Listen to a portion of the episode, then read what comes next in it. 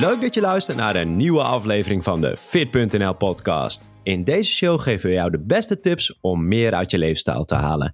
Ik ben coach Jeroen van Fit.nl en vandaag is het tijd voor een nieuwe reeks. We gaan het hebben over krachttraining waarbij we een aantal belangrijke elementen langs gaan. het eerste element is trainingsfrequentie hoe vaak moet je nou trainen en hoe vaak train je een bepaalde spiergroep? Nou, die ga ik langs met mijn collega Erik. Ik heb een super uitgebreid artikel over geschreven. En Erik, jij hebt een aantal interessante vragen. Wat gaan we vandaag allemaal bespreken?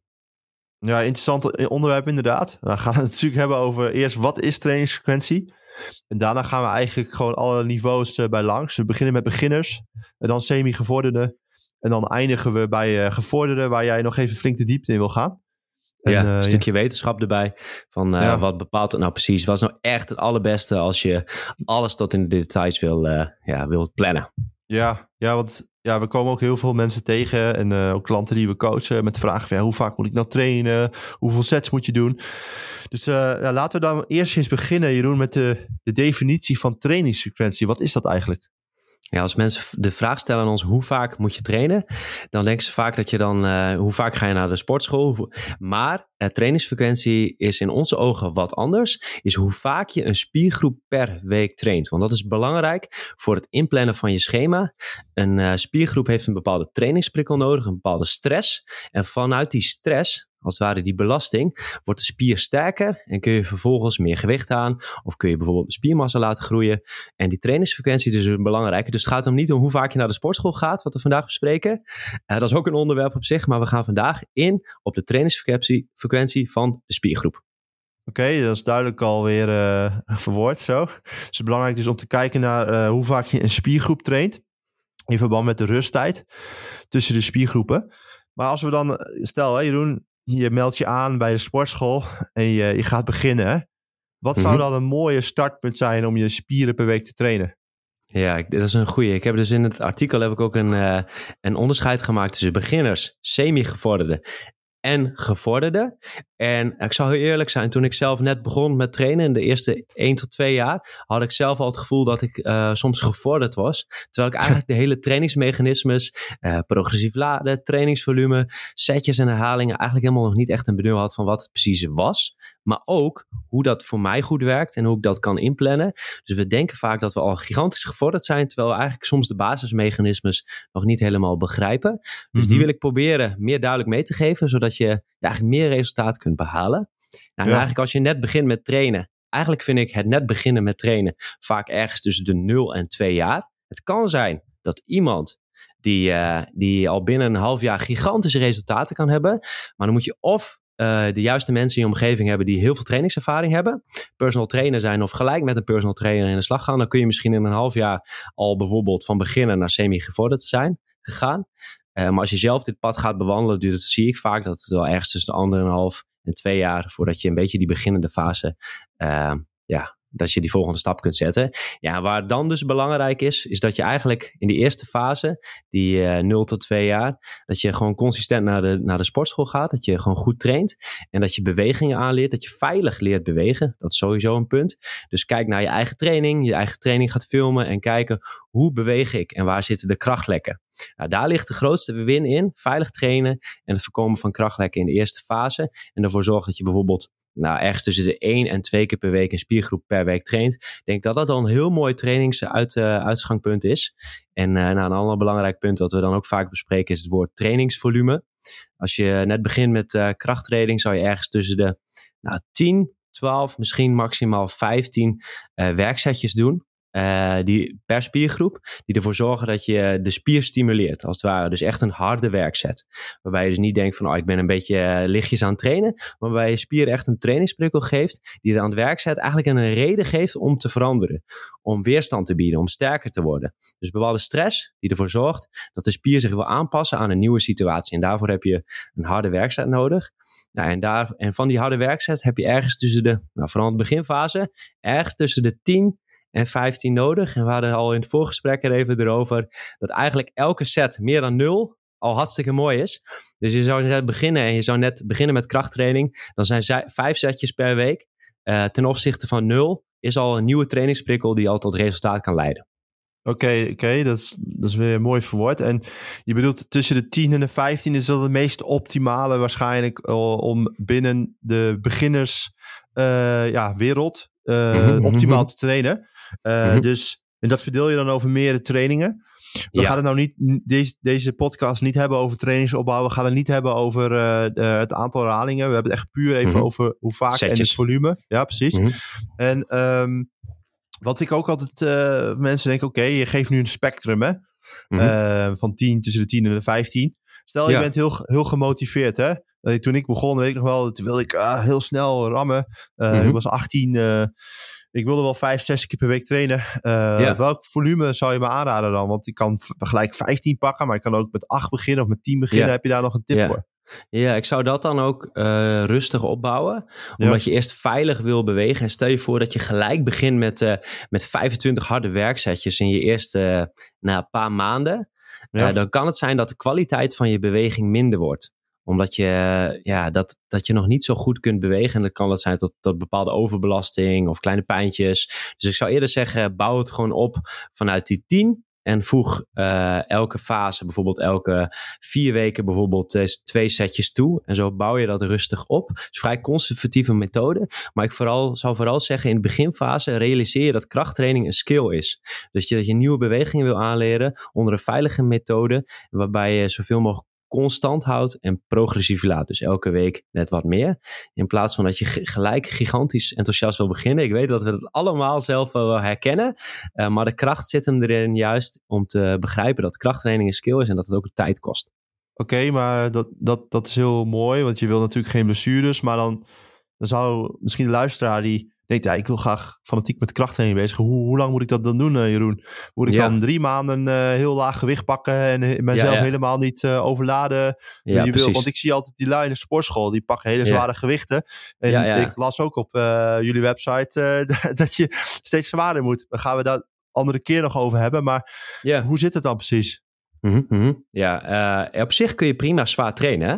Dus dat is wat anders. Mm -hmm. Alleen we hebben nu over dat je heel vaak uh, bewijs van heel veel volume gaat toepassen. En dat kan wel onder gecontroleerde situatie als je veilig traint en echt weet wat je aan het doen bent. Dus stel je voor dat je een heel ervaren vriend of coach hebt in je omgeving. Dan zou je misschien dat trainingsvolume wat kunnen, kunnen sneller kunnen opvoeren. Uh, maar kies hier expres wel wat voor de conservatieve methode um, in het aantal setjes. Dus dat rustig opbouwt, werken aan kwaliteit. En uh, wat ik wel zeg is, die 10 tot 12 kunnen relatief harde werksetjes zijn. Dus hier komt het begrip uh, reps in reserve voorbij. En trainen tot spierfalen. Nou, we kennen allemaal wel misschien als je aan push-ups aan het doen bent. En op een gegeven moment kun je niet meer. Dan kun je niet meer omhoog komen. Dan, dan lig je op de grond. Nou, dat is echt spierfalen. Dus dan kun je niet meer. Uh, zou je stel je voor dat je zou stoppen met push-ups als je er eigenlijk nog één had kunnen doen. Nou, dat noemen ze één rep in de tank. Dan had je nog één herhaling kunnen doen. En uh, binnen de trainingsleer noemen we dat één rep in reserve. Dat is dus een methode om jezelf ervoor te bewaken dat je niet altijd tot de max gaat. Want ik had ook aan het begin van mijn trainingscarrière dat ik altijd dacht van maximaal gaan. Ik weet ook nog dat wij samen gingen trainen. Dat we altijd maximaal elk setje uh, er tegen gingen. Dat heeft ons heel veel resultaat geboden. Maar ik zie nu meer en meer dat het altijd tot spierfalen gaan, tot, tot suboptimale resultaten kan leiden. Waarom? Omdat je dan eerder grotere kans op hebt blessures. Het is verstandiger soms om net even wat in de tank te houden. Dat je over de periode uh, wat kunt opbouwen. Dus dat je over de periode wat sterker wordt en dat je niet altijd tot het gaatje gaat. Nou, dit is dus een belangrijk wat ik aan beginners vooral wil meegeven. En uh, terug naar het stukje trainingsfrequentie. Nou, wat je zou kunnen doen is die 12 of 15 uh, sets um, over de week. Want het gaat dus, dus het setvolume over de week. Dat je dat verdeelt bijvoorbeeld over twee trainingen. Dus je traint twee keer per week een spiergroep. En je verdeelt dan die 15 uh, trainingsvolume. Verdeel je dan over twee trainingen. Uh, waar je bijvoorbeeld uh, drie setjes van de squat doet. Je doet drie keer lunges. En dan op de volgende training doe je nou, bijvoorbeeld vier keer een leg press. En je doet nog vier keer een Bulgarian split squat. Zo kom je uiteindelijk op, nou ja, op 18. Of sorry, op 15. En dat is dan het totale trainingsvolume voor de quadriceps. Wat je, waar je die 15 hebt verdeeld over twee keer over de week dat zou ik zeggen van dat is een mooi begin als, als beginnende krachtsporter om uh, vanuit te gaan twee keer per week verdeel je trainingsvolume. Kan altijd meer, maar mensen zijn altijd op zoek naar richtlijnen om een beetje praktisch te maken. Dan zou ik dit mee willen geven. Oké, duidelijk. Dus we hebben nu voor een beginner besproken dat je, nou ja, je gaf aan dat de, de, de sets, de zwaardere sets, dat is ongeveer tussen de 10 en de 15. Je kunt wel meer doen, maar pas daar wel een beetje mee op en doe dat dan heel licht. Om de techniek bijvoorbeeld, dat zie je wel eens bijvoorbeeld dat Hmm. mensen die squatten willen leren, maar dan doe je dan zonder, alleen met de stang. En dat- nou, nee, dat zou ik niet zeggen. Doe niet licht, maar doe dat eh, bewust. Dus focus je op kwaliteit. Dus meer is niet altijd beter. Dat is een hele belangrijke. Kwaliteit, kwaliteit, kwaliteit. Eh, meer trainingsvolume wil niet, ja, dat, dat is wel een voorspeller. Maar alleen als je dat op een goede en veilige manier. En het leren van je eigen lichaam, wat jij aan kan en wat goed bij je past. En wat veilig bewegen is. Dat kost gewoon best wel een tijd. Vooral als je dat voor jezelf uitzoekt met filmpjes, feedback. Eh, en daarom zou ik zeggen, kies iets meer een conservatieve methode. Zodat je de kwaliteit, vooral in die eerste twee jaar, kunt bewaken over je beweging. Dus je wil, dat bedoelt daarmee dat je gewoon eigenlijk gewoon eh, beter iets minder kunt doen dan te veel. Ja, kwaliteit, kwaliteit. Ja. En wat wij ook vaak nog als vraag krijgen is van eh, ehm, biceps en triceps. Hè? Die train ik toch ook al. eh triceps train je al bij de borst en de biceps train je al bij rugoefeningen. Hoe zit dat dan Mhm. met die volume? Ja. Ja, die zou je bijvoorbeeld ja, ergens tussen de een derde of een half mee kunnen trainen, mee kunnen nemen in je trainingsplan. Dus stel je voor, je doet eh, vier setjes eh, van de pull-up. Ehm, dan zou je kunnen zeggen dat je je je armen daar ook voor een helft of voor een derde meetelt, omdat die ook werken, meewerken aan die oefening. Dus eh, heel vaak zie ik dat vooral beginnende krachtsporters zich heel erg willen focussen op hun armen en denken, dan moet ik gigantisch veel tijd in steken. Maar realiseer je dat je met de grotere oefeningen dus ook al, groot, ook al voor een deel de biceps of een triceps meepakt. En dus dat het niet per se nodig is om er gigantisch veel trainingsvolume aan extra aan toe te dienen. En waarom? Stel je voor, ik ga eh, op maandag ga ik eh, mijn borstspieren trainen. Dan pak ik al deels mijn triceps. Dan denk ik, oh, dinsdag ga ik nog even op mijn vrije dag nog extra wat triceps trainen.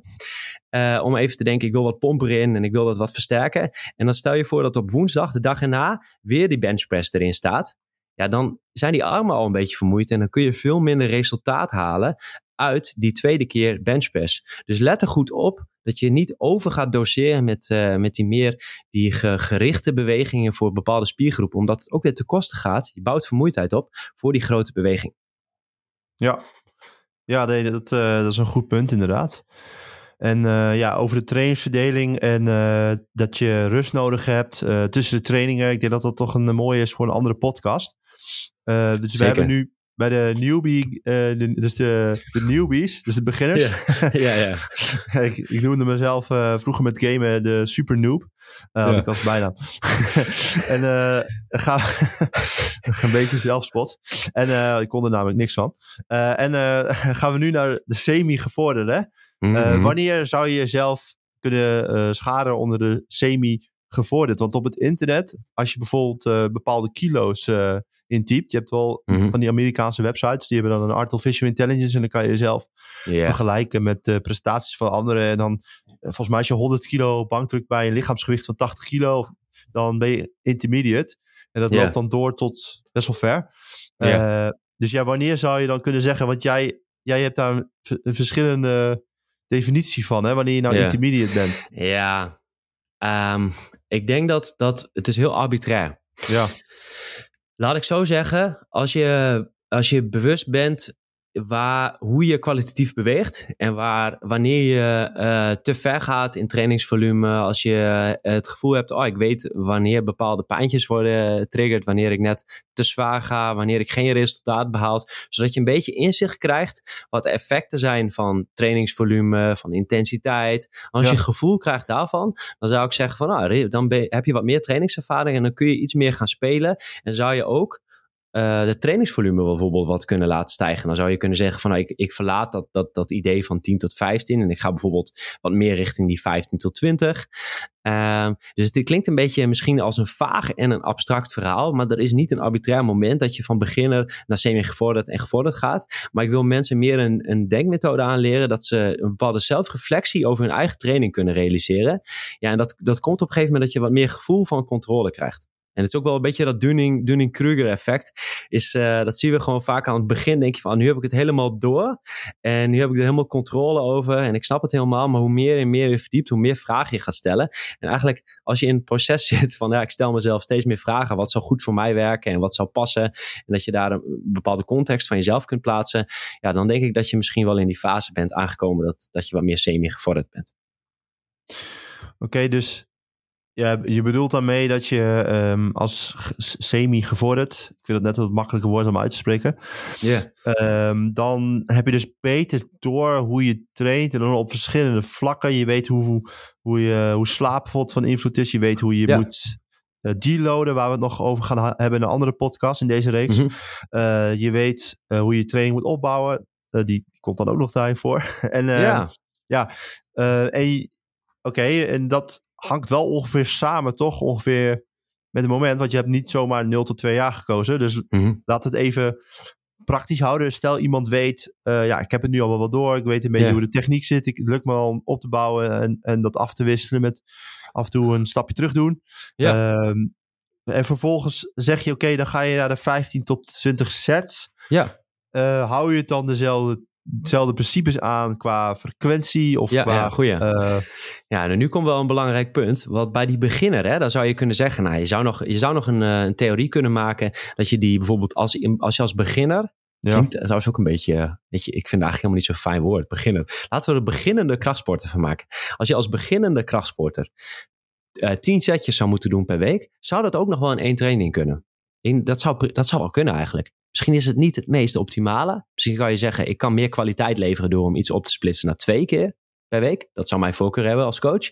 Maar nu kom je aan bij de semi-gevorderde. Ga je denken, oh, misschien moet ik iets meer trainingsvolume uh, toedienen. Want ik kan dat aan. Ik weet wat kwalitatief bewegen is. Ik beweeg relatief veilig. Dus ik kan nu wat gaan spelen met trainingsvolume. Dat gaat wat omhoog. Dan als je dus bij die 15 aankomt, of die 20, nou, dan zou je die 15 tot 20, dat wordt wel heel lastig om dat in één training te gaan doen. Dus daarom zou je zeggen van, kom je wat meer richting dat uh, semi-gevorderde aspect, uh, dan wordt het wel verstandig om die sets wat meer over de week uh, te gaan verdelen. Omdat een, in één keer 20 sets, bijvoorbeeld voor de quadriceps, om daar de kwaliteit in te waarborgen, ja, dat wordt wat lastiger. Dus daarom zou ik zeggen, uh, ben je op dat moment aange, uh, ja, kom je daar op dat moment aan, dan zie je dat het verdelen van je trainingsvolume, uh, denk ik, wel meer meerwaarde kan bieden. vind ik een goed punt. En ja, wat ik zelf ook wel merk is dat ik word toch ook wel moe van bepaalde oefeningen, dat het ten koste gaat van andere oefeningen. Dus als je heel veel in één week, of in één week in één training doet, dan kan dat ene concurreren met het andere. maar Jeroen, je zegt dus dat we een hoger trainingsvolume moeten doen. Maar dat is, klinkt ergens logisch. Maar in principe ga je ook zwaardere gewichten pakken. En dat is toch ook al meer belastend voor je lichaam. Dus waarom moet je eigenlijk per se hoger volume pakken? Ja, ja, zeker. Nou, we weten dat trainingsvolume de belangrijkste factor is voor het opbouwen van spiermassa. En spiermassa is een belangrijke factor voor het opbouwen van spierkracht. En omgekeerd is spierkracht ook weer een belangrijke factor voor het opbouwen van spiermassa. Dus die twee hebben een hele dikke grote relatie. En Ja, trainingsvolume ja, is daar belangrijk voor. Um, en ja, wat je kunt doen, je kunt onbeperkt intensiteit gaan verhogen, het gewicht gaan verhogen.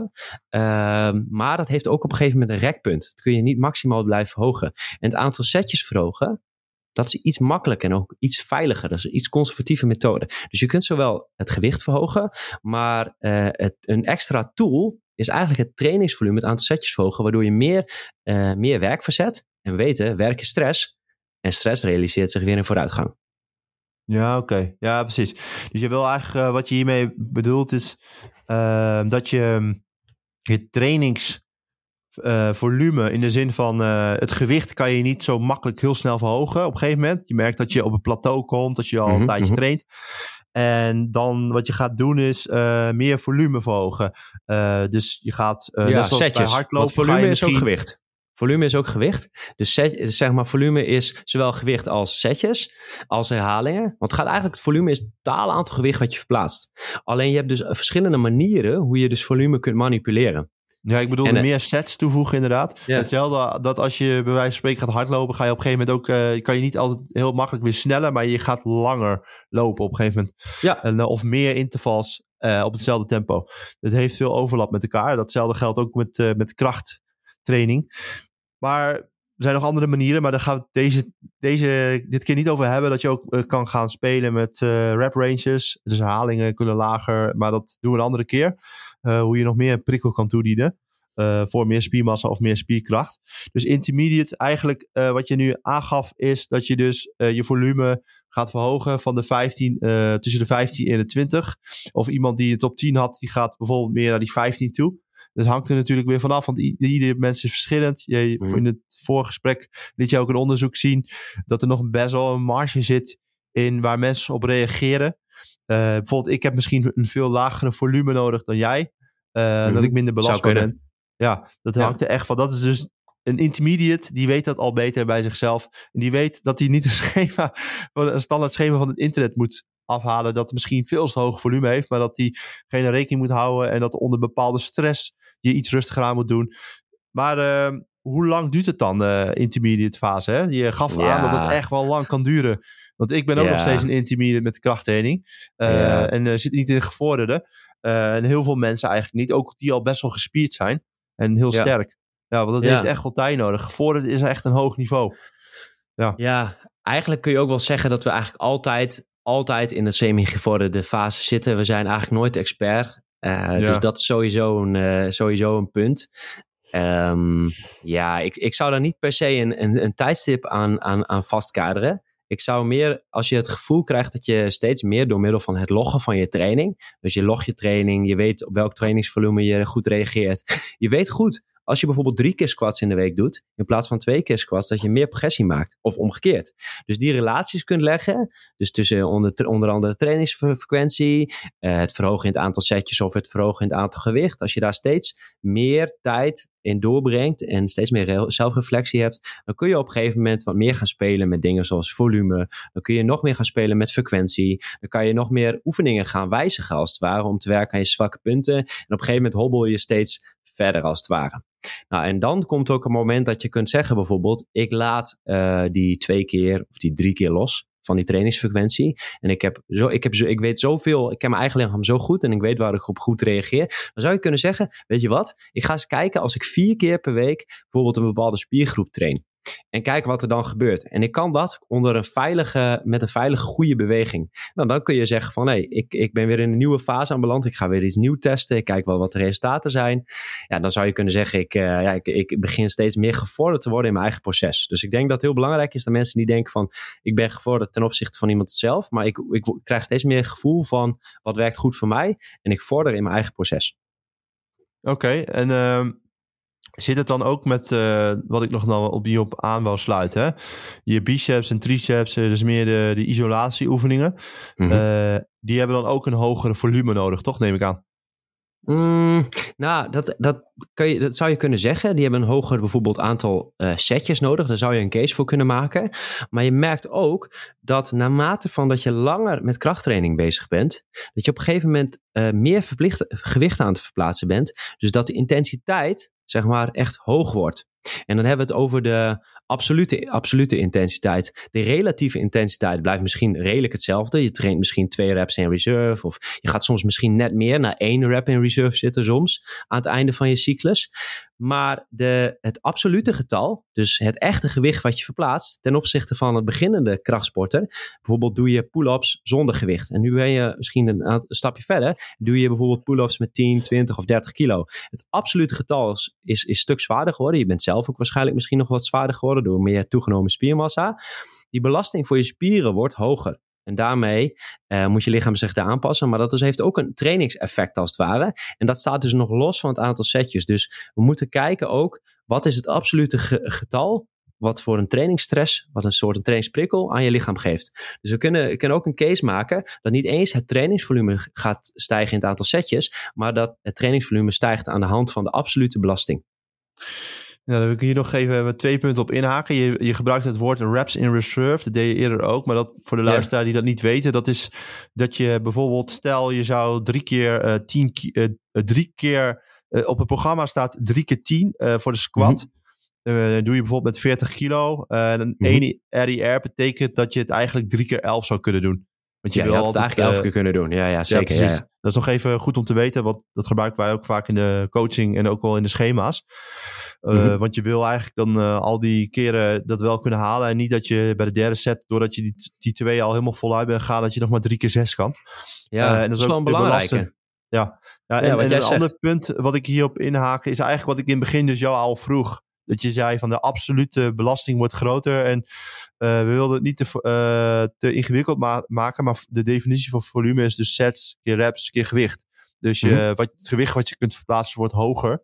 Uh, en in principe merk ik ook dat ik soms niet zo heel veel meer doe qua volume dan een jaar geleden. Maar meer dat je dan meer gewicht kan verzetten bij bepaalde oefeningen. En daardoor wordt het ook steeds zwaarder. Maar je speelt op een gegeven moment ook wel met, met het volume. En dat kan ook zijn dat je bijvoorbeeld twaalf keer herhalingen doet met hetzelfde gewicht. In plaats van zes keer. Dus ja, er zijn heel veel variaties om het allemaal zwaarder te maken. Mm -hmm. Ja, dus... Ik heb nog wel, een, nog wel een leuke aanvulling, zeg maar. Die mensen ook vaak vergeten. Die ik zelf ook wel eens vergeet. Is dat, uh, stel je voor dat je een paused bench press doet. Dus je passeert het gewicht. Dus dan laat je niet het gewicht helemaal zakken op je, op je borst. Maar je, doet, je laat het met jouw spanning boven je borst. Uh, voor bijvoorbeeld drie seconden. En je duwt het gewicht weer uit. Dat is niet een verhoging van het gewicht. Dat is ook, uh, ja, je zou kunnen zeggen dat je het aantal setjes uh, en het aantal herhalingen uh, constant houdt. Maar het wordt het wel een stuk zwaarder, omdat het heel zwaar is om het daar vast te houden. Dan manipuleer je als het ware het anders. Maar dat zou je ook nog kunnen tellen onder een ander trainingsvolume. Want het is ook een andere vorm van belasting. Dus eigenlijk is, is, ook, is dat ook een element van een, een stressfactor die ervoor kan zorgen dat je weer een andere trainingsprikkel toedient. Maar zo zijn er nog heel veel nuances die je kunt stellen. Daarom ja, ik eigenlijk, wat, wat, ik mensen eigenlijk wil, wil aanleren die er luisteren, is dat uh, training, wat ik al zei aan het begin, krachttraining is een skill, komen veel dingen bij kijken. Context is key. Dus dat is echt uh, essentieel. Maar uh, ja, laten we voor, doorgaan naar het volgende. Ja, wat, uh, wat die ook nog wel even om op in te haken, wat ik uh, om voor mensen die dan trainen en die denken dan, uh, ja, mijn biceps worden niet sterker. en dat heb ik zelf ook wel vroeger, dat ik dat nooit door had. Maar stel je rugspieren worden sterker. Mm -hmm. En je biceps blijven gelijk. Dat is ook natuurlijk al knap. Dat je nog hetzelfde werk met je biceps kan verzetten. terwijl je al vermoeider bent geworden met je rug. Ik zou je eigenlijk ook kunnen zien als vooruitgang. Ja, de mensen ja, vergeten zeker. dat nog eens. Ja, ja daarom, is, daarom is het echt essentieel om ook uh, ja, gewoon trots te zijn op het proces. En een van de dingen die je bij kan helpen is je progressie bouwen. Maar als je dan je logboek bewijs van bekijkt of je Excel-document. En je kijkt een uh, aantal maanden terug. En ik heb dat zelf ook wel eens regelmatig gedaan. En ik, oh vet, ik heb echt wel progressie gemaakt. Soms, maar terwijl dat je soms denkt dat je stilstaat. Ja, ja. ja. ja en um, uh, je had het nou over die past uh, bench press. Uh, ik heb, ik, kijk, jij zit veel meer in dit onderwerp, maar ik heb gelezen dat time under tension weinig effect heeft op spiermassa en spierkracht. Maar dat zou, om het niet te ingewikkeld te maken, maar dat hangt natuurlijk weer vanaf van de context. Waar is je zwakke punt? Sommige ja. mensen die moeten misschien naar beneden beter trainen. Dat ze, maar dat, dit gaat heel diep. Uh, maar um, ja, wat die andere uh, methodes inderdaad, die, die, uh, die hebben het meeste ondersteuning inderdaad. Dat je je sets gaat verhogen. naarmate je meer gevorderd bent, gewicht verhogen. Um, maar nu stel voor, je bent dan echt bij gevorderd aanbeland hè? wat zijn dan de richtlijnen? Nou, als we het over experts gaan hebben, dan wil ik eigenlijk de expertgroep of de, de gevorderde groep, dan wil ik eigenlijk even stuk teruggaan naar wetenschappelijk onderzoek. Dus als je hier echt verder in wilt duiken, leuk dat je tot hier bent gekomen. Uh, we gaan nu de wetenschappelijk onderzoek over trainingsfrequentie bespreken en waarom ik eigenlijk ben gekomen tot de beslissingen die we voor hebben gegeven, of de richtlijnen die we voor hebben gegeven. Nou, als we kijken naar uh, uh, twee onderzoeken, twee meta-analyses. Allereerst die over spierkracht. Dus wat is het effect van extra trainingsfrequentie op spierkracht. Dus word je sterker als je vaker een spiergroep traint. En hierbij hebben de onderzoekers trainingsvolume constant gehouden. Dus als je trainingsvolume, het aantal setjes, het gewicht, et cetera, constant houdt. En je gaat het meer over de week verdelen. Dan lijkt het dat er geen verschil is. Dus stel je voor dat je twee uh, setjes per week doet ten opzichte van, of twee, twee keer per week trainen met hetzelfde trainingsvolume ten opzichte van vijf, dan lijkt dat geen verschil te hebben ten op, bij spierkracht. Nou, en dit de onderzoekers geven we hierbij aan dat, dat, dat er zeg maar een aantal beperkingen zijn. Uh, allereerst dat er voornamelijk uh, onderzoek bekend is bij uh, beginnende krachtsporters en dat het bij gevorderde krachtsporters minder bekend is. En ja, misschien zullen wij dat zelf ook wel herkennen. Als je al regelmatig traint, stel je voor Erik, jij zit op vijf keer per week trainen en jij voelt het fijn. En een onderzoeker vraagt jou van, hey, zou jij nu aan dit onderzoek mee willen doen? En dan mag je maar één keer per week trainen. Zou je, dat, zou je daarin mee willen doen? Uh, ja, dat is een goede vraag. Maar ik, ja, ik, zou zelf, ik geloof daar zelf niet in dat dat werkt. Dus dan, dan heb ik misschien een negatieve, niet placebo, maar nocebo uh, effect. Dus ja, dan ben ik misschien niet het goed voorbeeld. Maar ik denk, ja, één keer is dan ook misschien wel heel veel, alle trainingsvolume. Maar je bedoelt van mm. zes keer per week naar drie keer per week? Ja, bijvoorbeeld. Ja, je ja, hebt een, een, ja. ja, na drie keer uh, full body. Ja, dat zou ik wel heel interessant vinden, ja. ja. Ja, dat, jij zou dus wel bereid zijn om dat te doen. Ja. Uh, maar maar uh, er zijn gewoon weinig uh, studies bekend bij ervaren krachtsporters wat betreft trainingsfrequentie en spierkracht. Dus dat is even een punt wat de onderzoekers aangeven. Dat is weinig onderzocht. En ook, uh, uh, het lijkt zo, er lijken indicaties te zijn dat jonge sporters beter reageren op een hogere trainingsfrequentie dan wat oudere sporters. Dus dat is even een uh, belangrijk iets om mee te geven. En dat je waarschijnlijk wat meer geïsoleerde bewegingen, denk aan de biceps curl of uh, triceps extensie, dat je daar ook, dat die ook beter reageren op een hogere trainingsfrequentie dan oefeningen zoals bijvoorbeeld de squat of deadlift, die meerdere gewichten nodig hebben en complexer zijn. Ja, mogelijk heb je daar meer focus voor nodig en leidt dat dan weer tot betere resultaten. Dit zijn niet duidelijke conclusies, maar dit zijn indicaties. Nou, en een van de vragen die hij had, we hadden in het voorgesprek over een heel interessant onderzoek. Want dit, deze duidt uit, moet ik even goed kijken, uit 2018. Maar toen kwam het jaar erop kwam een heel interessante studie. En die ging wel over gevorderden. En die vergeleek uh, mensen die drie keer per week trainen, ervaren powerlifters, met uh, mensen die zes keer per week. En ze werden dus of in de drie, groep, uh, drie keer per week trainen of in de zes keer per week trainen geplaatst. En gekeken wat zou nou het resultaat na zes weken qua spierkrachtontwikkeling en spiergroei. En dan bleek dat er geen significant verschil bestond tussen de groep die drie keer per week trainde en zes keer per week trainde. En ik vond dat wel een verrassend resultaat, want ik heb nog steeds een beetje in dat uh, denkparadigma of dat trainingsparadigma dat wat vaker uh, beter is. Nou, ook natuurlijk zijn er heel veel beperkingen, kun je weer opbrengen en is toekomstig onderzoek nodig. Maar dit zijn wel weer mechanismes die je kunt meenemen in je training. Dat als je bijvoorbeeld uh, op vakantie bent en je denkt ik wil toch doortrainen, dat het mogelijk niet eens zo heel negatief is om gewoon even drie keer per week te trainen. Dat je mogelijk net zoveel spierkracht of spiermassa kunt opbouwen. Ja, ja, dat is wel interessant inderdaad wat je nu aangeeft. Dat, dat wist ik ook niet. En bij uh, gevorderd, hè, dan je hebt het nu over dat het niet, dus niet zoveel uitmaakt uh, mm -hmm. hoe mm -hmm. vaak je traint. Uh, maar hoe zit het dan met het aantal werksets? Moet je ja als je uh, in die fase bent, dat je dan al heel lang aan het trainen bent, moet je dan mm -hmm. nog meer sets doen per week? Of ja, ja. is dat hetzelfde als intermediate? Ja, um, ja die, die ga, ga ik, uh, ga ik zo zeker beantwoorden. die pak ik zo mee in, in, het volgende antwoord. Want we hebben nu die van spierkracht gehad, maar we hebben ook nog die spiermassa. Want dat zijn twee dingen die wel verweven aan elkaar zijn. Spier, door meer spierkracht kun je meer spiermassa opbouwen. Je kunt er meer trainingsvolume aan. Maar ook door meer spiermassa kun je ook weer meer spierkracht opbouwen. Dus daar zit een duidelijke relatie. Maar onderzoekers hebben dus ook weer met een meta-analyse onderzocht of een hogere trainingsfrequentie leidt tot het opbouwen van uh, meer spiermassa als je trainingsvolume constant houdt. En ook daar blijkt weer dat er geen uh, duidelijke significante relatie bestaat als je volume constant houdt bij het toevoegen van meer frequentie over de week. Dus dat is wel een boeiende. Ook dat ging weer uh, tegen mijn verwachting in. Ik heb hier één kanttekening bij. Ook hier waren vrij strenge inclusiecriteria. Dus de onderzoeken die ze meenamen. En uh, iemand die ik wel hoog heb zitten is Greg Knuckles. Die heeft een uh, uitgebreid artikel geschreven. En die zetten we ook even in de show notes. En die laat wel zien dat hij verwacht vanuit de resultaten hoe hij het interpreteert. Waarbij die iets bredere inclusiecriteria, oftewel die nam meer onderzoeken mee. Uh, die was iets minder select daarin.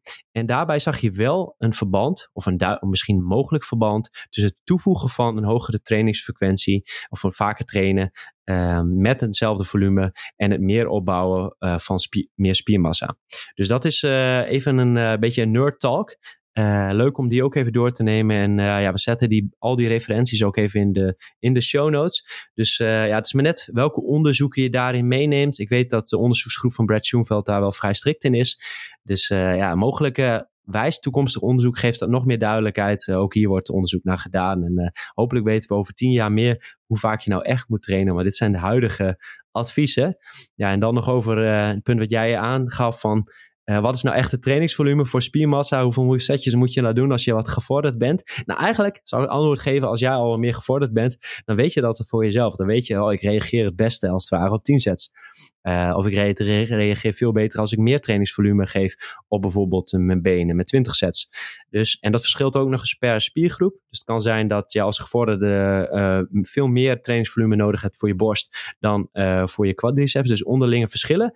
Dus eigenlijk, als je in die stage zit dat je gevorderd bent, dan heb je eigenlijk uitgevogeld welk trainingsvolume bij jou past.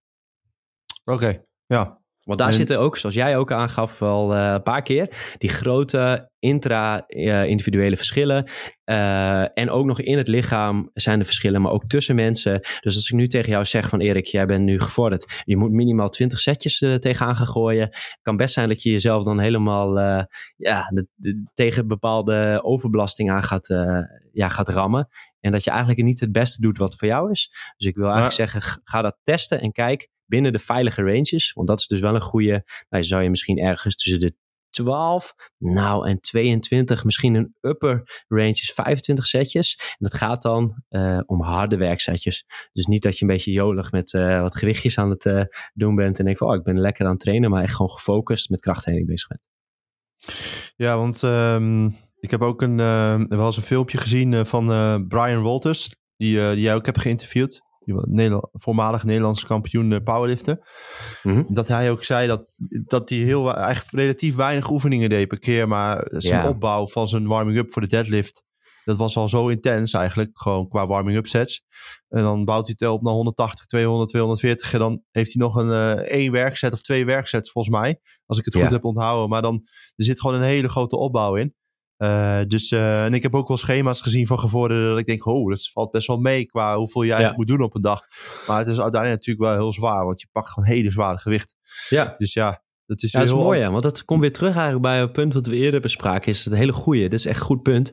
Is dat de absolute belasting dusdanig hoog is dat je minder uh, aantal setjes en herhalingen nodig hebt, omdat die totale belasting al een dusdanige stressprikkel is, dat het bepaalde systemen activeert. Nog wel een punt, Brian die traint dan uh, voornamelijk, zover ik hem ken, op uh, spierkracht, dus veel gewicht in beweging brengen.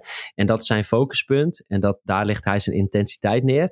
en dat is, dat is net een ander punt dat je denkt van, oh ik wil echt heel gespierde armen of gespierde rug. Dan heb je net een andere indeling van je trainingsschema. Ja, ja, want dat is misschien nog wel leuk voor de luisteraar om te weten. Want misschien zijn er ook mensen die denken: ja, ik wil gewoon heel gespierd worden. En zo snel mogelijk uh, uh, mijn lichaam uh, ja, gespierd maken. Mm Nu zijn we al in de zomer, maar voor volgend jaar zomer, die jaren tijd.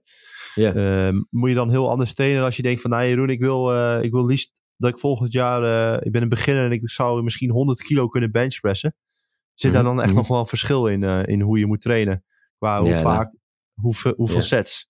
Ja, nou, het belangrijkste advies als mensen een tip zou mogen geven, ik ga even commerciële maken, is dat, is dat ze natuurlijk ons boek uh, sterker uh, dan moeten aanschaffen. Dan heb je gelijk een goed, uh, ja. goed pad weg waar je, welke tips je allemaal kunt gebruiken en hoe je je training kunt inrichten. Dus dat zou ik als eerste aanraden. Begin gewoon echt met goede theorie.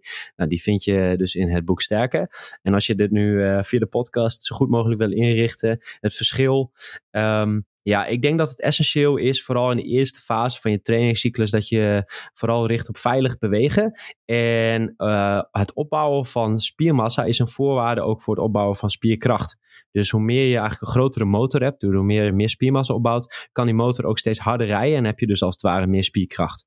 Dus ik zou focus leggen, vooral in je beginfase, ook wil je spierkracht opbouwen, uh, op veilig bewegen, uh, goed bewegen, het opbouwen van spiermassa. En die twee gaan heel mooi samen. En als je wat gevorderd, gevorderder wordt, dus richting die twee, drie, vier jaar trainingservaring, je weet hoe je lichaam reageert, dan zou je kunnen zeggen, ah, ik ga uh, wat meer richten op spierkracht, want dan weet je ook wanneer een beweging fout gaat en wanneer je net zwaar gaat.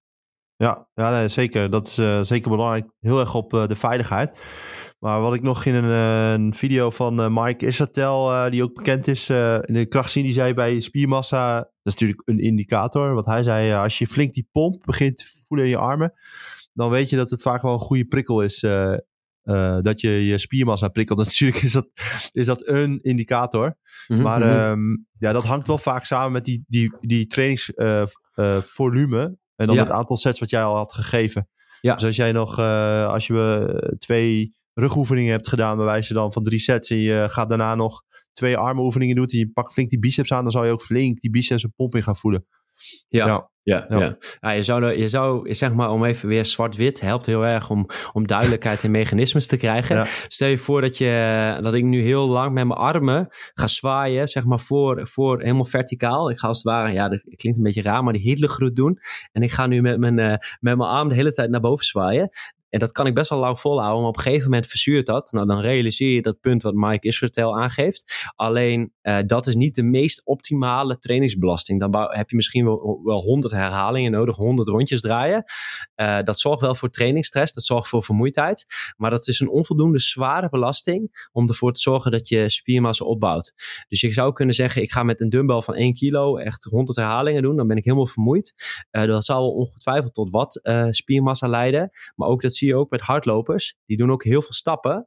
En uh, bewijs van uh, eh, 10.000 stappen op, uh, met een hardloopsessie. Maar die krijgen, als ze dat heel vaak doen, niet enorm gespierde benen wel van die squats. Dus je hebt wel een bepaalde intensiteit nodig om ervoor te zorgen om spiermassa op te bouwen. En als we dat uh, moeten verrekenen, want mensen houden vaak van richtlijnen, kijken we naar een aantal onderzoeken die naar buiten zijn gekomen, dan moet je denken aan uh, eh, 60% plus ten opzichte van je maximaal kracht. Dus ja, als daar gaan we het in de volgende podcast. ja, we moeten niet veel krootjes weggeven. Daarom, uh, anders wordt het te veel informatie. We hebben dus nu besproken over trainingsvolume. Ja. Een mooie inleiding erin.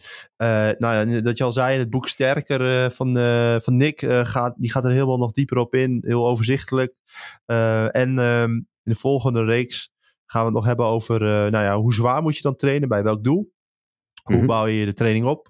Ja. En die, het concept deloaden komen allemaal nog aan bod. Ja. Maar ja, we hebben nu mooie, ja, de eerste, hoe vaak moet je trainen in combinatie met trainingsvolume mooi uitgezet. Ja, lijkt me ook mensen ervan vinden. Ja. ja, vooral als mensen vragen hebben over krachttraining. Je bent zo ver gekomen en al dat gepraat van ons hebt aangehoord. uh, ben ik eh, heel benieuwd. Mocht je vragen hebben over krachttraining, uh, stuur ons vooral een mailtje. en dan nemen we die mee in de volgende aflevering. Ja, um, ja Erik wil jou heel erg bedanken voor alle goede vragen. Uh, helpt toch weer om uh, meer context te geven. En voor de luisteraar uh, die ja, ons een handje wil helpen. We zouden het heel leuk vinden als je deze podcast deelt. Uh, via social media kunnen wij nog meer mensen bereiken met deze tips. En uh, ja, alle besproken onderzoeken en het uitgebreide artikel uh, vind je in de show notes, zodat je dat nog even na kunt lezen. Ja, wij kijken uit om de volgende te doen. ja, Erik, nogmaals bedankt. En de ja, luisteraar. Bedankt. Ja, bedankt voor het luisteren. Tot bij de volgende.